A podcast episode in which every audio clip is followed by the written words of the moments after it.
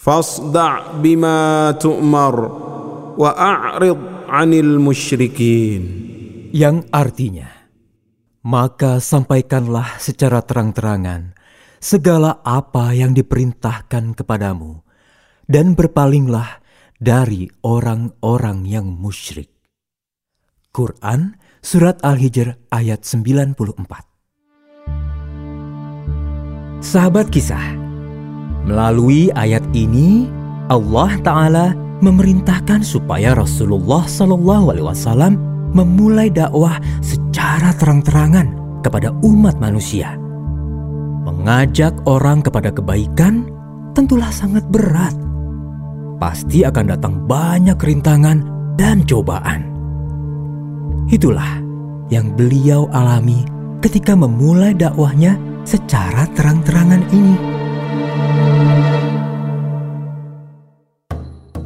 Langkah pertama yang Rasulullah Shallallahu Alaihi Wasallam lakukan adalah mendakwahi keluarga dekatnya. Pada suatu hari, Rasulullah mengundang sanak keluarganya ke dalam acara jamuan makan. Beliau menghidangkan makanan yang lezat-lezat dalam acara itu. Hadirlah kira-kira 30 orang. Ketika sedang berkumpul dalam kebahagiaan itulah Rasulullah Shallallahu Alaihi Wasallam mengajak keluarganya untuk masuk Islam. Wah, enak sekali hidangan ini. Banyak sekali makanannya. Iya, lezat sekali. Wahai Muhammad, ngomong-ngomong, ada apa kamu mengadakan acara hidangan untuk kami?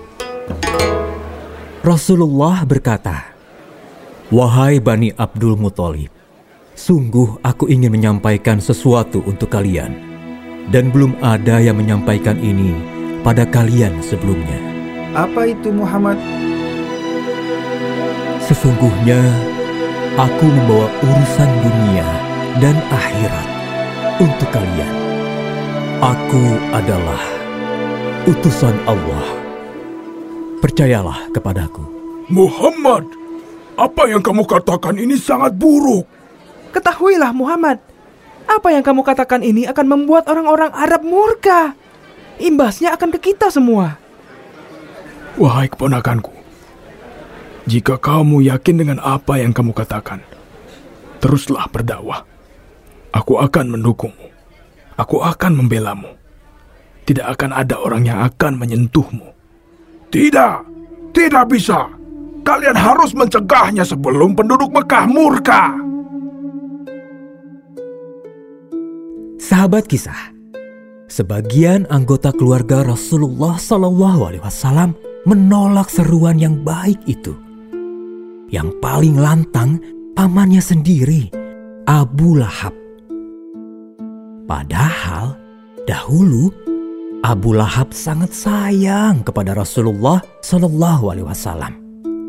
Bahkan saking gembiranya ketika Rasulullah Shallallahu Alaihi Wasallam lahir, Abu Lahab membebaskan budaknya yang bernama Suwaibah al-Aslamiyah.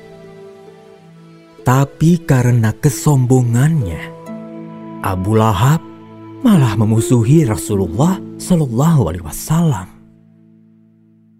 Setelah menyeru kepada keluarganya, kemudian Nabi melanjutkan dakwahnya dengan langkah kedua.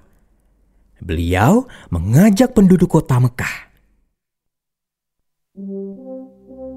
pada suatu pagi, Nabi naik ke atas bukit sofa. Beliau memanggil orang-orang Mekah dengan suara yang tegas dan lantang.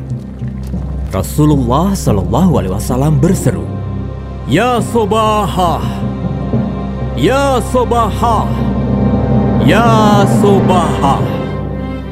Orang Arab memahami kalau ada orang yang berseru dengan berkata Ya Sobahah, berarti ada sesuatu yang sangat genting sedang terjadi di pagi itu. Orang-orang berbondong-bondong menghampiri Rasulullah, ingin mengetahui apa yang sedang terjadi. Dan pamannya, Abu Lahab, juga ikut menghampiri. Ah, ada apa ya? Ya, ada apa? Iya, sedang apa ya Muhammad di atas sana? Kemudian Rasulullah berdiri menghadap mereka seolah-olah seperti bulan purnama di tengah gelap gulita. Wahai Muhammad, ada apa kamu memanggil kami semua? Rasulullah Shallallahu Alaihi Wasallam berseru, Wahai orang-orang Quraisy, bagaimana pendapat kalian jika kukatakan bahwa ada pasukan kuda di lembah sana ingin menyerang kalian? Apakah kalian mempercayaiku? Kami percaya. Engkau itu Al-Amin. Ya, kami percaya. Engkau tidak akan pernah berbohong. Ya, Ya, kami percaya padamu. Rasulullah Shallallahu Alaihi Wasallam berkata, Aku adalah utusan Allah yang membawa peringatan bagi kalian. Di tanganku ada azab yang pedih. Selamatkanlah diri kalian dari api neraka.